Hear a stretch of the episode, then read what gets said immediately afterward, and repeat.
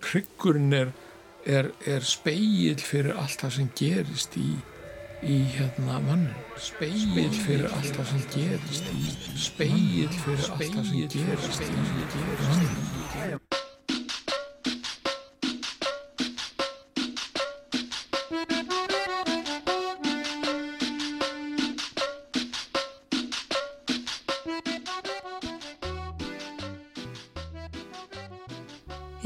Anna Geða Sigur Gísladóttir.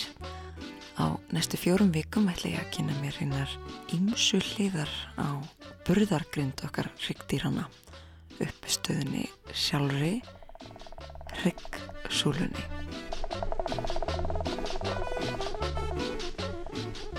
Í þessari þáttaröð skoðum við einar ímsu byrtingamindir hryggsins í menningasjóni kynum okkur þróunans frá því að hann var agnar smá viðkvæm súla í fyrsta hryggdýrunum og hann reisti sig á loft og mótaðist í beinlengjuna sem heldur okkur homo sapiens uppistandandi í dag.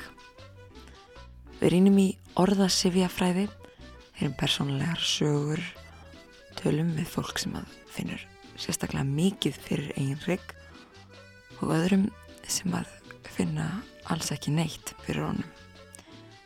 Við heyrum í fólki sem að vinnur með hryggjaliði, vinnur með hryggsúluna og í dag byrjum við ferðarlægið á samtali við einmitt einn slíkan. Ég heiti Þorvaldur Yngvarsson og er bækfrúnaskólanir. Hryggurinn er náttúrulega miðjan, eða hryggjast ekki í fólki og náttúrulega þeim sem hafa hrygg, dýrum og öðru. Þetta er samsett úr beinum, við tölum um sjö halsliði, tólf brjóstryggjarliði, fimm lendryggjarliði og svo eru róliðir. Og í saminningu mynda þessi bein hryggsóluna og á hryggsóluna tengjast síðan önnur bein, til dæmis rifbein á brjóstryggjarliðina og þar með verður brjósthóluð til. Innan í brjósthólið fer náttúrulega lífæri og utan á á hryggsóluna festast vöðvarnir sem hreyf okkur og inn í hryggnum er á mislustu tímabili framleitt blóð, er merkur.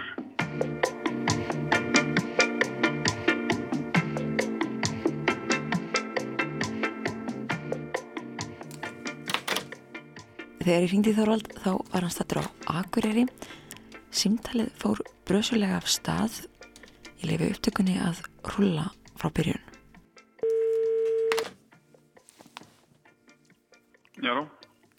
Sæl Þorvaldur, þetta er Anna Gjöða, ráseitt. já sæl og blöss. Manst, Það gleyma alltaf að ringja. nú já já, en hvernig hitti ég á því núna? Ákveðlega bara.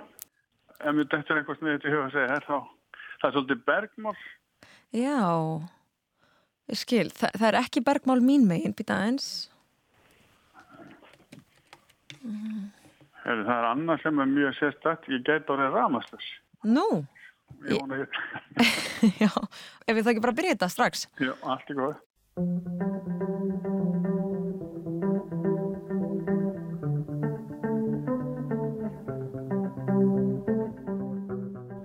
Þorvaldur helt áfram að lýsa líffærafræði reyksúlunar.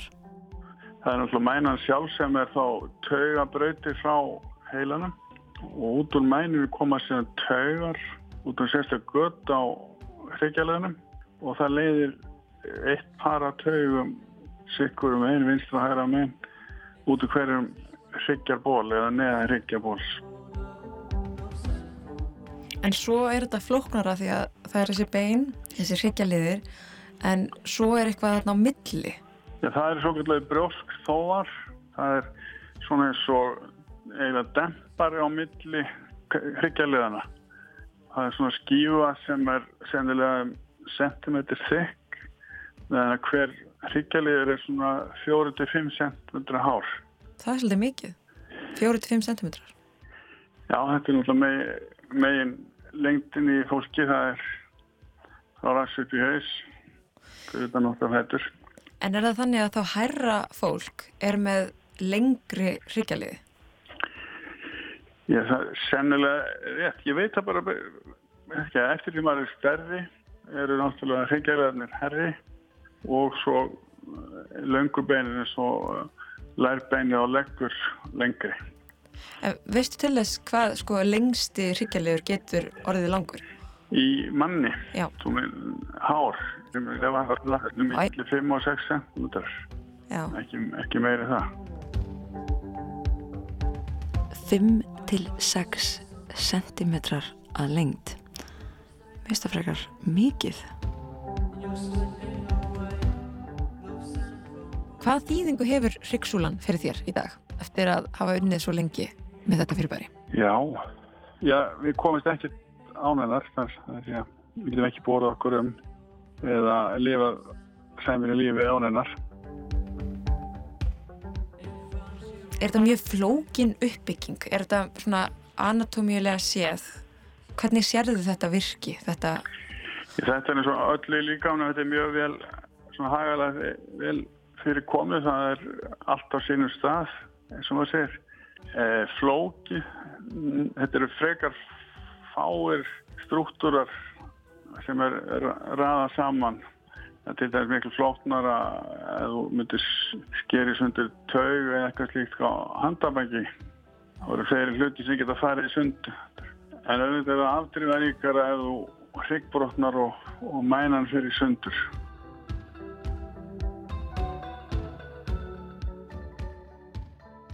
hefur þú séð hryggin með eigin augum? Já, já, það hef ég gert.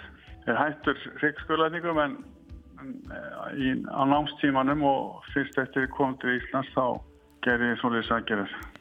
Hvernig var að sjá hryggin? Það er góð spurning. Í svona daglegu vinnu þá hugsa maður ekki mikið út, í það. En er þetta ekki svolítið skrítið? Hvernig er að sjá þetta? Og eru hryggir fólks mismunandi? Ég veit að þau eru svona strú, struktúrlega séð, eru þeir eins en eru þeir mismunandi að milli manna? Ég held að það er best að lýsa þessu þannig að það er engin eins inn við beinið. Það er hérna þráttur að lífræðilega ég allir að vera svipaði þá er alltaf einhver breytilengi þannig að maður veit aldrei hvað býðum að snákvæðlega og það er það sem gerir skurðlætningar og vissin átt skemmtilegar.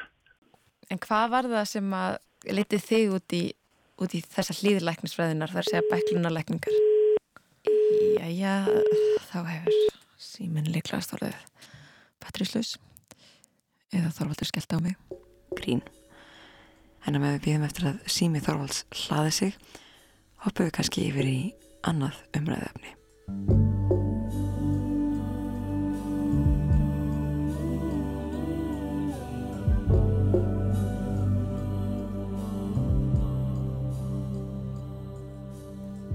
Ég ringdi af handahófi í nokkra vini og vandamenn fekk að spyrja það út í hitt og þetta í tengslum við ryggsúluna.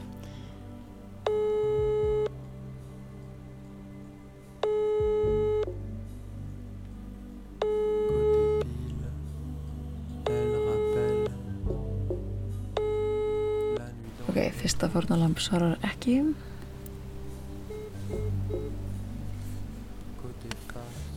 Sjáum hvað næsta fórnalamb segir.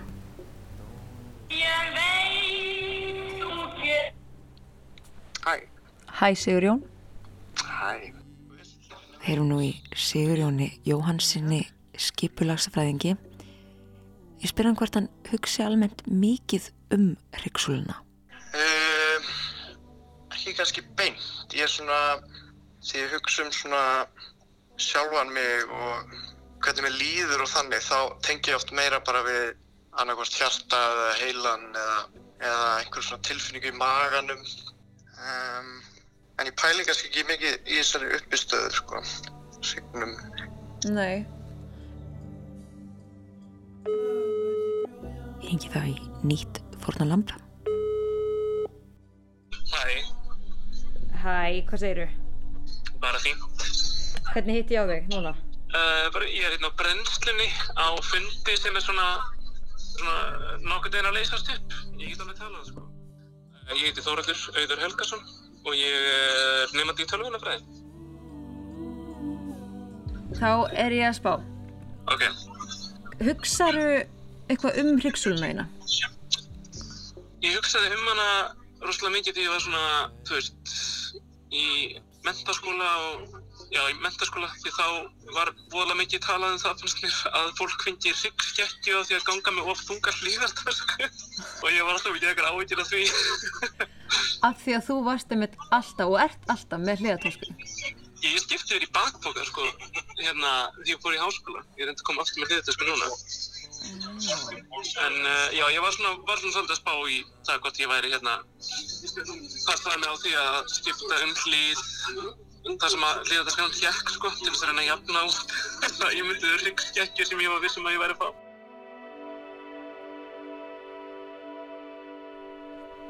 Í hvernig stöðu ertu? Ég er standandi, röldum. Finnur þú fyrir hryggsúluðinni? Nei, ekki beint nefnilega.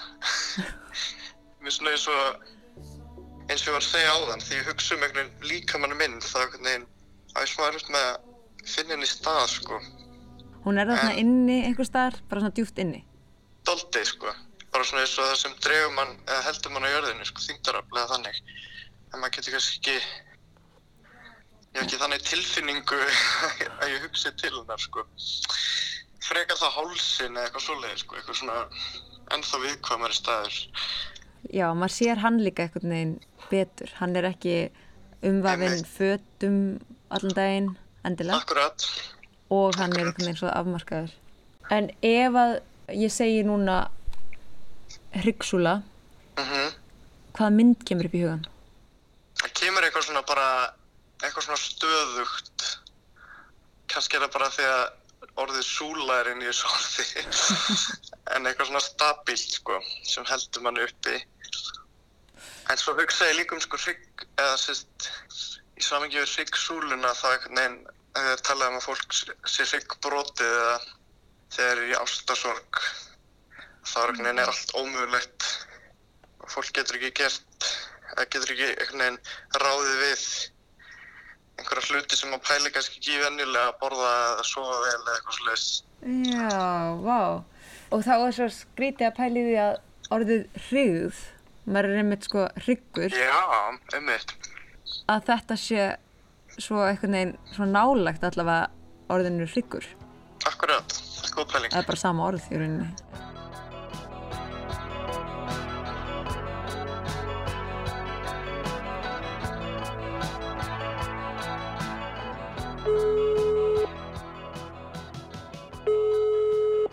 Ég prófa að ringja aftur í Þorvald. Halló. Halló, Þorvaldur, þetta er Anna Gjaða. Já, fyrirgeðu, það hérna, var rafmagslust bara og ég var ekki með snúru en hún hljópi út í búð og kefti. Nú, vá, þú hefur að fara út í búð. Það er ekki langt að fara hérna á hverju. Nei, já, já, takk hérlega fyrir það. Eins og heyrist af hljóðinu þá var raflaðan í símanum ekki eina tæknivandamál okkar Þorvalds. Nú tók við einhvers konar óútskýrt suð sem að flökti á milli bak og forgrunns samtalsins. Ég byrð því forláts á hljóðinu. En við Þorvaldur, við heldum áfram að spjalla. Hvað er það skrítnasta sem að þú hefur séð í þínu starfi eða er eitthvað, svona, er eitthvað minnistætt úr fæinu? Það er margt náttúrulega. Í svona samvættu við hryggmál er það sem er minnist aðeins þegar, þegar fólk getur lamast við brókloss og, og, og hérna þegar búið að taka það í börstu þá segir fólk fætur aftur og, og svo veist. Það er svona minnist aðeins. Er ykkur einn hryggjarliður að þínum að þið mikilvægari en annar?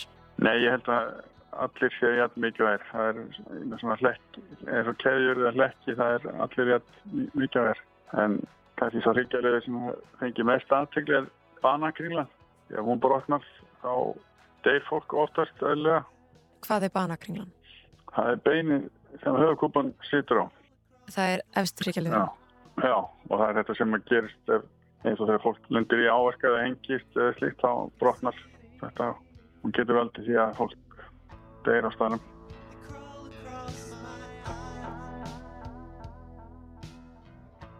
Hvað finnst þér það persónulega það áhugaverðasta við hryggsúluna og hryggjarliði?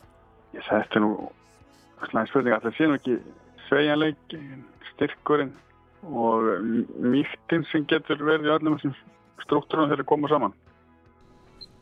Hvað finnst þér það áhugaverðasta við þetta fyrirbæri, hryggsúluna? Um, öruglega bara svona tauga funksjónin. Þú veist að, að hérna, skilabóðin liggi frá heila niður eftir mænunni og fari síðan út til allra útlimanna og þú veist, ég fundi fyrir snertingu í fingurgómanum það er það sem bóðin koma en öll bóð sem ég finn fyrir frá líkamannum liggja um þessa uh, mænu í hryggjarsúlunni. Ég veist svo mikið hvernig það er með, með andlitið, hvort það liggur líka eftir sömu leið, eflaust. En uh, það er öruglega bara það áhugaverðast að hvað þetta er eitthvað svona ótrúlega dens, miðlæg braut sem að, hérna, sem að stýri svo mörg á það sem að sé mikið að hugsa um nákvæmlega hana. Hvað finnst þér það áhugaverðasta við hryggsúluna? Hmm.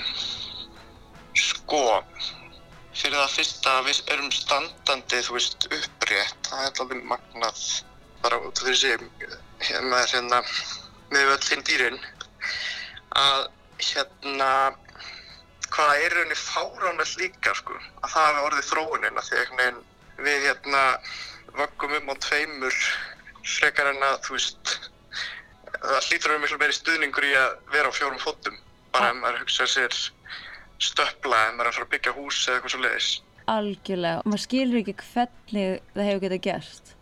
Einmitt. Þetta er aldrei komist maður hugsa kannski ekkert svo mikið einmitt um hvernig maður er byggður svona dagstælega sko. Þegar maður fer að pæli í þá sér maður hvað þetta er skrítin þróun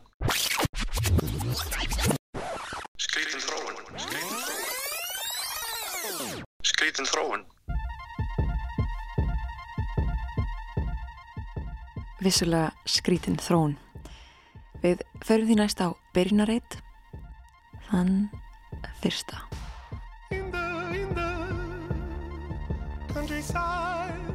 Ég heiti Edda Elisabeth Magnúsdóttir og er sjávarlífræðingur uh, við Háskóli Íslands. Og ég uh, rauninni sérhæfi mig í, í lifnarháttum, atferðli og vistfræði kvala en, uh, en snerti á öllu sem tengist uh, vistfræði sjávar í rauninni og, og vissulega spendirum líka.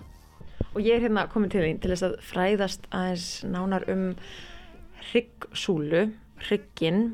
Gætur þú sagt mér aðeins frá sko, þróun hryggsins til að byrja með?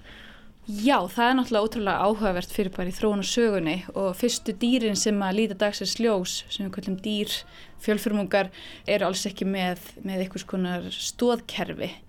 En svo síðar í fyrir um svona 500 miljónum árum síðan, þá finnast í jarðlögum, eða það er að segja, við finnum vísbendingur í jarðlögum sem benda til að þetta dýr hafi verið lifendi fyrir um 530 miljónum árum eða svo og það eru dýr sem að hafa einhvers konar vísi af stóðkerfi og fyrsta stóðkerfið er í rauninni einhvers konar styrking á hryggjarsúlu þar að segja utanum mænuna. Það sem sagt byrjaði sem einhvers konar, já bara mjög svona frumstæð styrking á, á svo kallum seildýrum, það eru bara dýr með styrta hryggjarsúlu en er ekki komin inn að beinamyndun eða neitt svoleiðis. Hvernig litu þau dýr út? Þau líta bara út uh, og við erum til, það er til þess að dýr sem er í rauninni svo kallar seildýr og við erum í rauninni öll seildýr en, hérna, en við erum þróaðri seildýr þar að segja með, með beinabyggingu í kringum hryggjarsúluna. En seildýrin, fyrstu seildýrin voru í rauninni bara eins og litlir fiskar, eins og lítil fiskseiði og, og líta þann út í dag eins og til dæmis fiskur sem kallast tálkmunni en er þróunafræðilega ekki fiskur, því að fiskar eru sérst hryggdýr í sjó. Er það svona pínu lítið? Ég reyna að sjá þetta fyrir mér. Þetta er svona svo lítil, lítil, vera og svolítið glær og maður sér svona aðeins í gegnum hana og svona, já, já og hérna, og það með þessi hægt að leita þetta upp á netinu, bara til dæmis leita tálkmunni. Við vitum náttúrulega ekki hvernig fyrstu seildýrin litu út og hvernig húðgerðin var og svo framvegis en, en líklega svona nokkuð frumstætt kannski eins og hjá tálkmunnum í dag en það sem er visslega áhugavert er að þarna ert ekki bara með einhvers konar mjúkar hryggleysing eins, eins og lindýr eða eins og marglettur eða stinglar þess að sem hafa þessa mjúku uh, líkama en geta samt hreift sig. Þannig eru við komið með dýr sem eru með stinnari líkama, það er að segja með einhvers konar vöðvabygging og vöðvabyggingin vissulega getur ekki verið nema að sé einhvers konar eh, stóðkerfi og fyrstu seildýrin eru með einhvers konar svona vísi að rákum sem að voru þá vöðvar og vöðvarnir eru taldir hafa verið svona mikilvæg fyrstum sinn til þess að styðja við tálknin. Og það sem er sérstatt við þessi dýr sem eru með tálkn, það eru margskunar hryggleysingjar í sjó með tálkn. Og nú er ég bara að tala um sjóin vegna þess að þar þróaðist lífið fyrst, þróaðist fyrstu dýrin og svo síðan hryggdýrin en þarna er eitthvað svona stuðningur við tálknin og síðar geta þau með þessi opna tálkninu og við erum eitthvað svona tálknóp sem opnast og lokast mm. fyrir tilstuðlan styrkingu í kringum tálknin, svo kallar tálknbogar. Og þetta verður alltaf svona starra og, og sterkara í þróun og sögunni. Og þetta er ákveð forskot að geta aukið flæði vats yfir tálkninu og þar leiðandi aukin súröfnisupptaka Svo gerist það með tíð og tíma að þessi tálkbogar, þeir þróast út í eitthvað skonar frum kjálka. Þannig að kjálkarnir á okkur eru rauninni upprunalega tálkbogar á frumstæðum fiskum. Og þetta smátt og smátt leiður að sér eitthvað skonar styrkingu á framsvæði ryggjarsúlunar, það sem er þá munnop og, og, og síðar koma fram skinnfæri eins og augu og, og lyktarskinnfæri og þau koma fyrir tilstöðlan starri heila, þrískipts heila sem að getur verið í þessari lífveru vegna þess að hún er varin af einhvers konar fremstæðari hauskúpu. Fyrstu kjálkarnir og hauskúpunar og hryggjarsvöldnar voru brjóski en þessi kalkmyndun kemur síðar og það er ennþá, veitir ennþá sterkari grind og sterkari vörðn utanum höfukúpun og þar að lendi líka hægt og rólega stærri og stærri höfuð.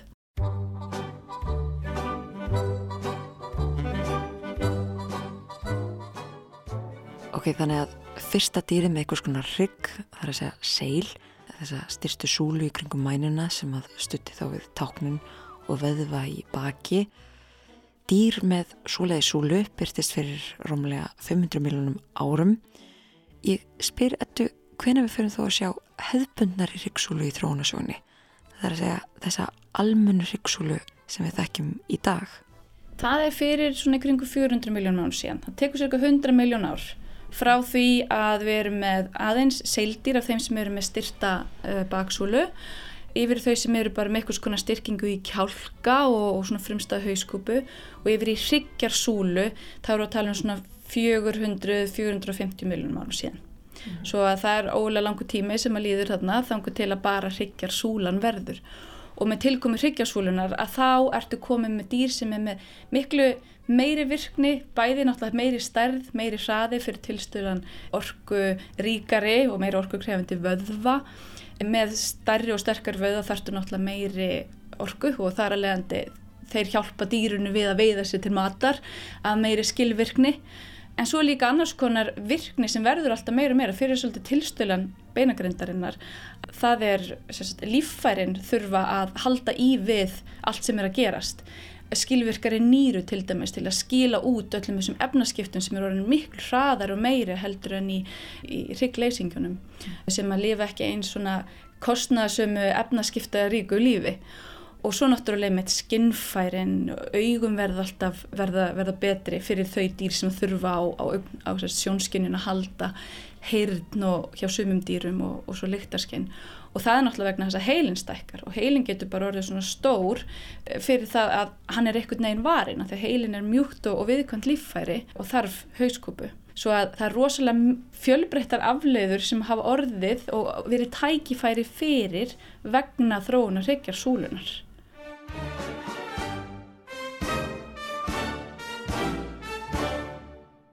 Hún rætti ennfremur hvernig ryggdýrin þróuðust yfir í okkur það verður mjög stert val fyrir fiskum með kalkmyndandi beinagrönd. Sá flokkur fiska sem við köllum í dag geyslauggar er í rauninni það sem við köllum fiskar. Þorskur og ísa og, og loðuna og bara allir langflestir fiskar í sjónum í dag eru svo kallar geyslauggar og verða til fyrir tilstöðlan kalkmyndunar í beinum.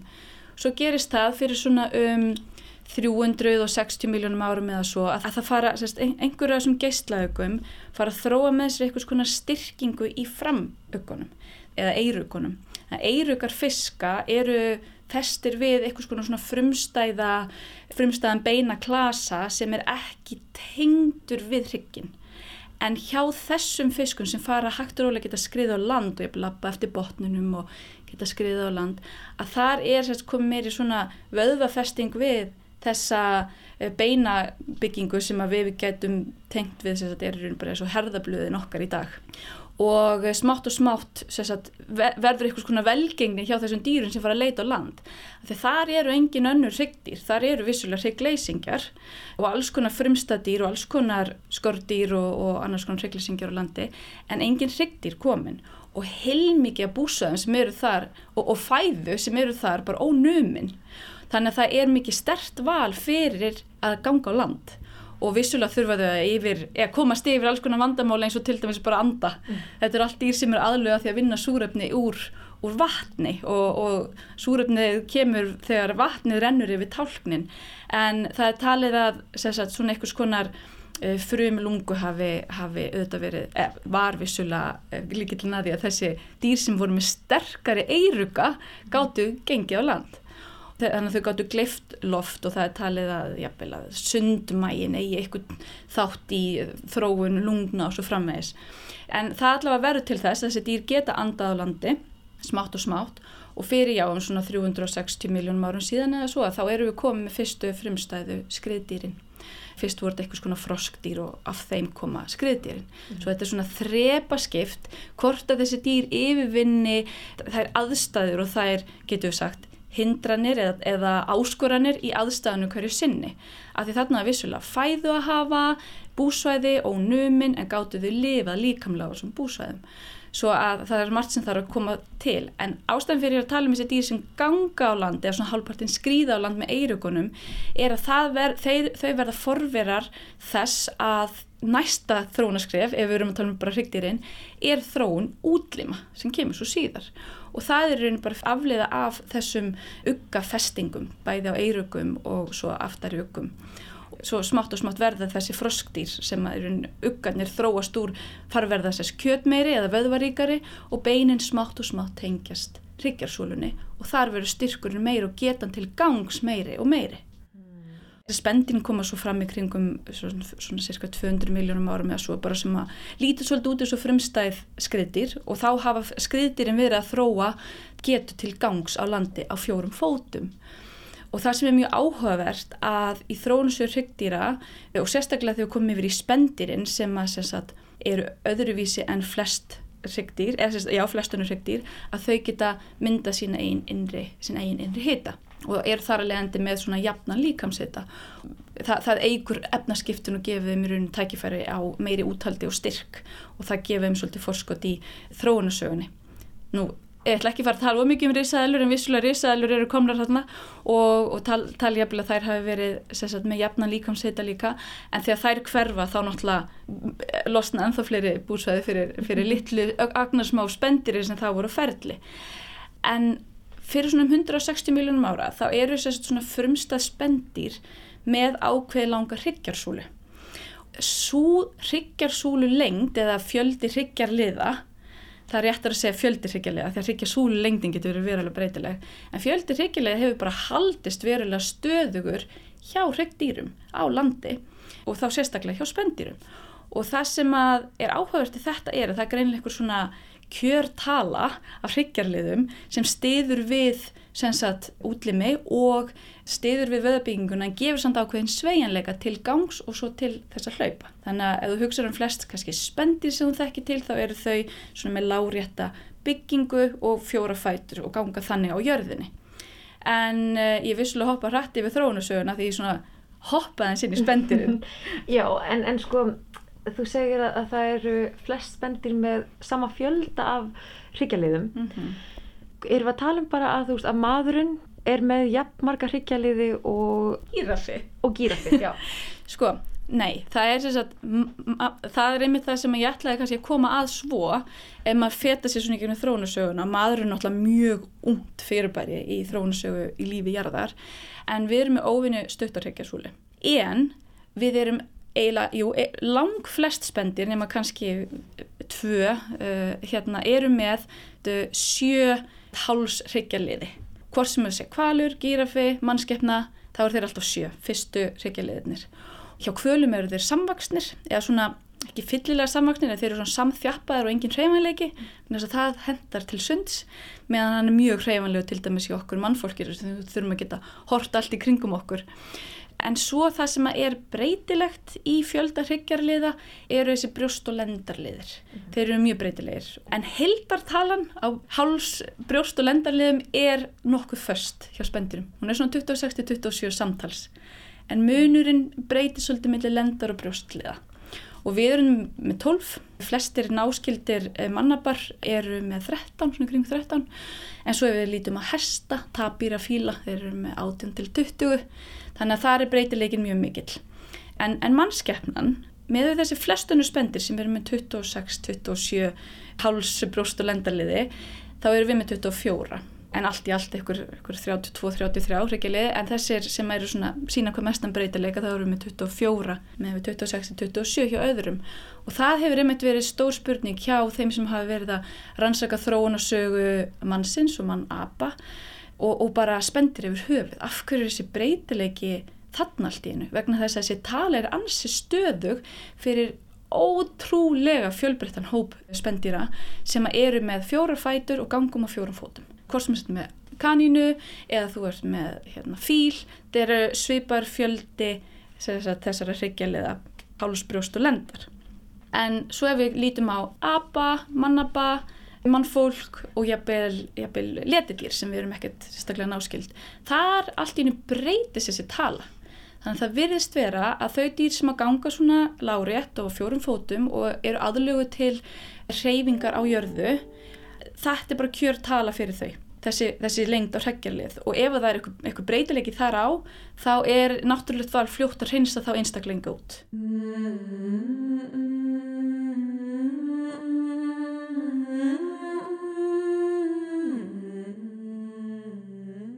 En okkur erum við menn og mannapar dýri í eitthvað svona loðurættri stöðu af hverju erum við með stittri ryggsúlen önnuspenndýr ég spyrjatu hvað það segja okkur. Það er svona nýjastur ansvörnir vilja meina það að þessi trjálefnaður, hangandi trjám, söfla sér í trjám, það hafi gefið tækifæri á fjölbreytari e, útfærslu í fjöldarhyggjarliða. Af því það geta komið alls konar stökkbreytingar. Þetta eru svo kvöldi hoksken sem stýra fjöldarhyggjarliða í öllum spendirum og rauninu öllum dýrum sem eru með hrygg. En þessi hokskenafjöldi getur breyst og afkvæminn annarkort lifa af eða ekki og það verist vera að í trjálefnaðarhætti var líklæra að þessi afbreyði frá þessi henni, henni gullnu tölu sem fundust hjá dýrunum á fjórum fótum á jörðinni að þau gáttu freka að lifa af í þessum trjálefnaði, hangandi, svebla sér og svo frammeins. Svo að það er talað að þetta trjá, þessi trjálefnaðarháttur forvera okkar sé ástæða fyrir því að við þróðumst svo með fáar hryggeliði. En svo er bara getum við aðlagast lífinu áfram á sléttonum með fáar hryggjarliði og það hefur verið og mannskeppnan er náttúrulega svo eina sem er algjörlega upprétt og náttúrulega mannabar geta gengið um uppréttir en þeir eru samt reyfa sér langmest á handleikjunum líka og það, þar verður ákveðin breyting á hvort að það sé sko, það, jú, mögulega hefur þessi stutti hryggur gerð það verkum það er meiri líkur á að, að dýr með stuttan hrygg geti staðið og haldið sér uppréttum heldur en rosalega langur hryggur. Það er meiri álaga á stóðkerfið.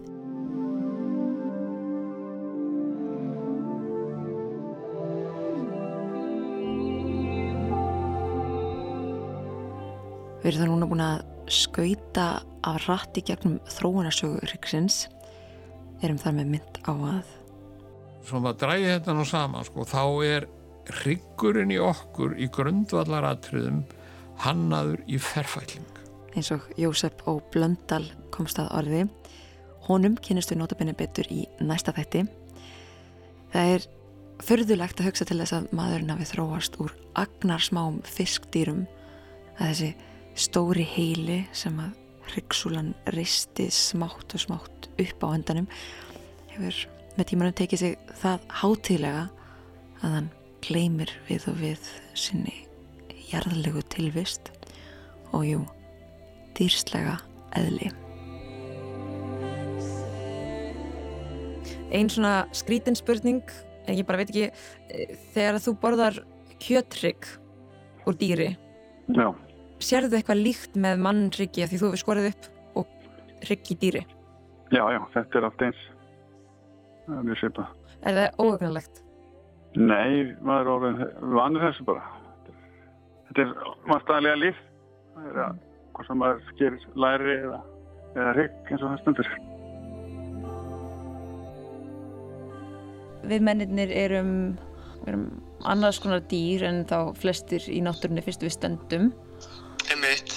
En mér finnst þess að við gleymum því líka svolítið að við, ef við gleymum því kannski að við séum dýr að því að við erum upprétt. Alveg öruglega. Skiljum okkur einhvern veginn frá öðrum dýrum þannig og upplifum okkur annan hátt. Eins og sé eitthvað vitsmunalegra að standa á tveimur fótum en fjórum. Já, já, já, já. Við fyndum að því að þetta að uh, ímyndmanns af hrókafullum einstakling er þessi svona sem er með uppbreytt bakið og í svolítið svona og flambójant, já, bringun út um mitt. Akkurat. Þegar fólk er að gera sig meira, sko, þá einhvern veginn íkýra það þannig stöðuna, sko. Og einmitt önnur dýr þegar þau hérna hestar eða aðri ferfætlingar þegar þau vilja sína, þú veist, vald eða eitthvað, þá skella þeir sér upp á afturfætunar. Ég sé fyrir mig líka mótihjól sem er að gera listir eða hjól þegar fólk gerir listir. Já, Hann reysir svona upp. það er mjög góð punktur. En já, þetta er vissulega mjög áhugavert, þú veist, hvernig þetta Já. er gert að við séum standandi. Einmitt. Þetta útskýrði að lokum uppbreyta stöðu mannsins aðeins nánar. Af hverju reisti maðurinn sig upp? Það er alls konar kenningur um það, akkur eru við svona, eða forverður okkar alveg upprétt, að segja mannfólk en meðan mannapar eru ekki alveg uppréttir. Og það er náttúrulega talið þessi, þessi sterk aðlöfun að lífin á sléttunum uh, og svo svo bara síðar það að heilin þróaðist varð stærri að það þurfti betri stuðning fyrir hann og það að rauninni líka minn heldur upp í haustum, við erum, við erum stundum undir haustum á okkur meðan önnur dýr eru með hausinn aðeins fram á við. Og þannig að þessi, þetta val fyrir miklum vitsmunum og starri heila verið slíka hafa ítt undir þessa uppryttu stöðu. En við erum til dæmis með mun sveigjanlegra mjóbak heldur en náfrændur okkar mannabarnir og það verist vera til þess að gefa tækifæri á því að ganga alfarið á eftirfótunum. Þá þarf smeri sveigjanleika í uh, mjamagrindina og það þróunaskref hefur verið mikilvægt í að við gátum staðið upp.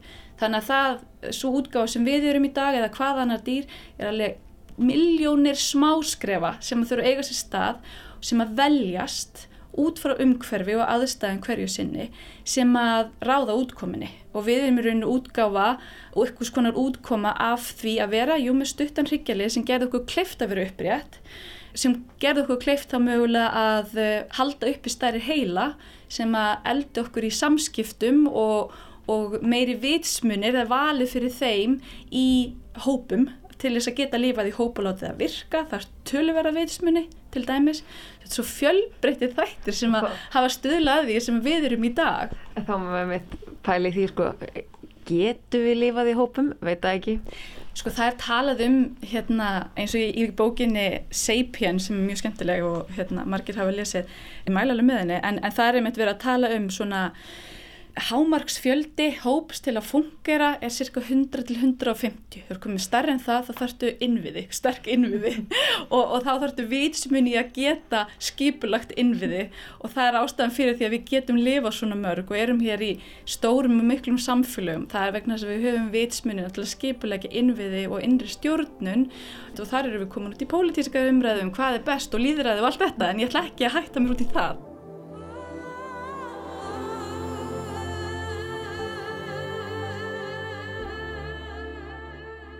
Eins og komiðu fram þá náði Homo sapiens að aðlagast lífinu á sléttunum með upprétt bak og færri hryggjarliði en flest önnur spendýr. En lífið á slettunum þarna fyrir eitthvað um 300.000 árum síðan það hefur verið eitthvað mikið frábröðuð lifnaðarháttum nútíma manna í þeirri þægindamenningu sem að maðurinn hefur búið sér til leynist nefnilega ímislegt sem að stríðir gegn náttúrulegum styrk ryggjasúlunar skapar okkur kvimleið stóðkerris vandamál og verki. Það skoðum við nánar í næsta þætti. En nú komið að lokum hjá okkur í dag. Takk fyrir samfélgina og heyrumst að viku liðinni.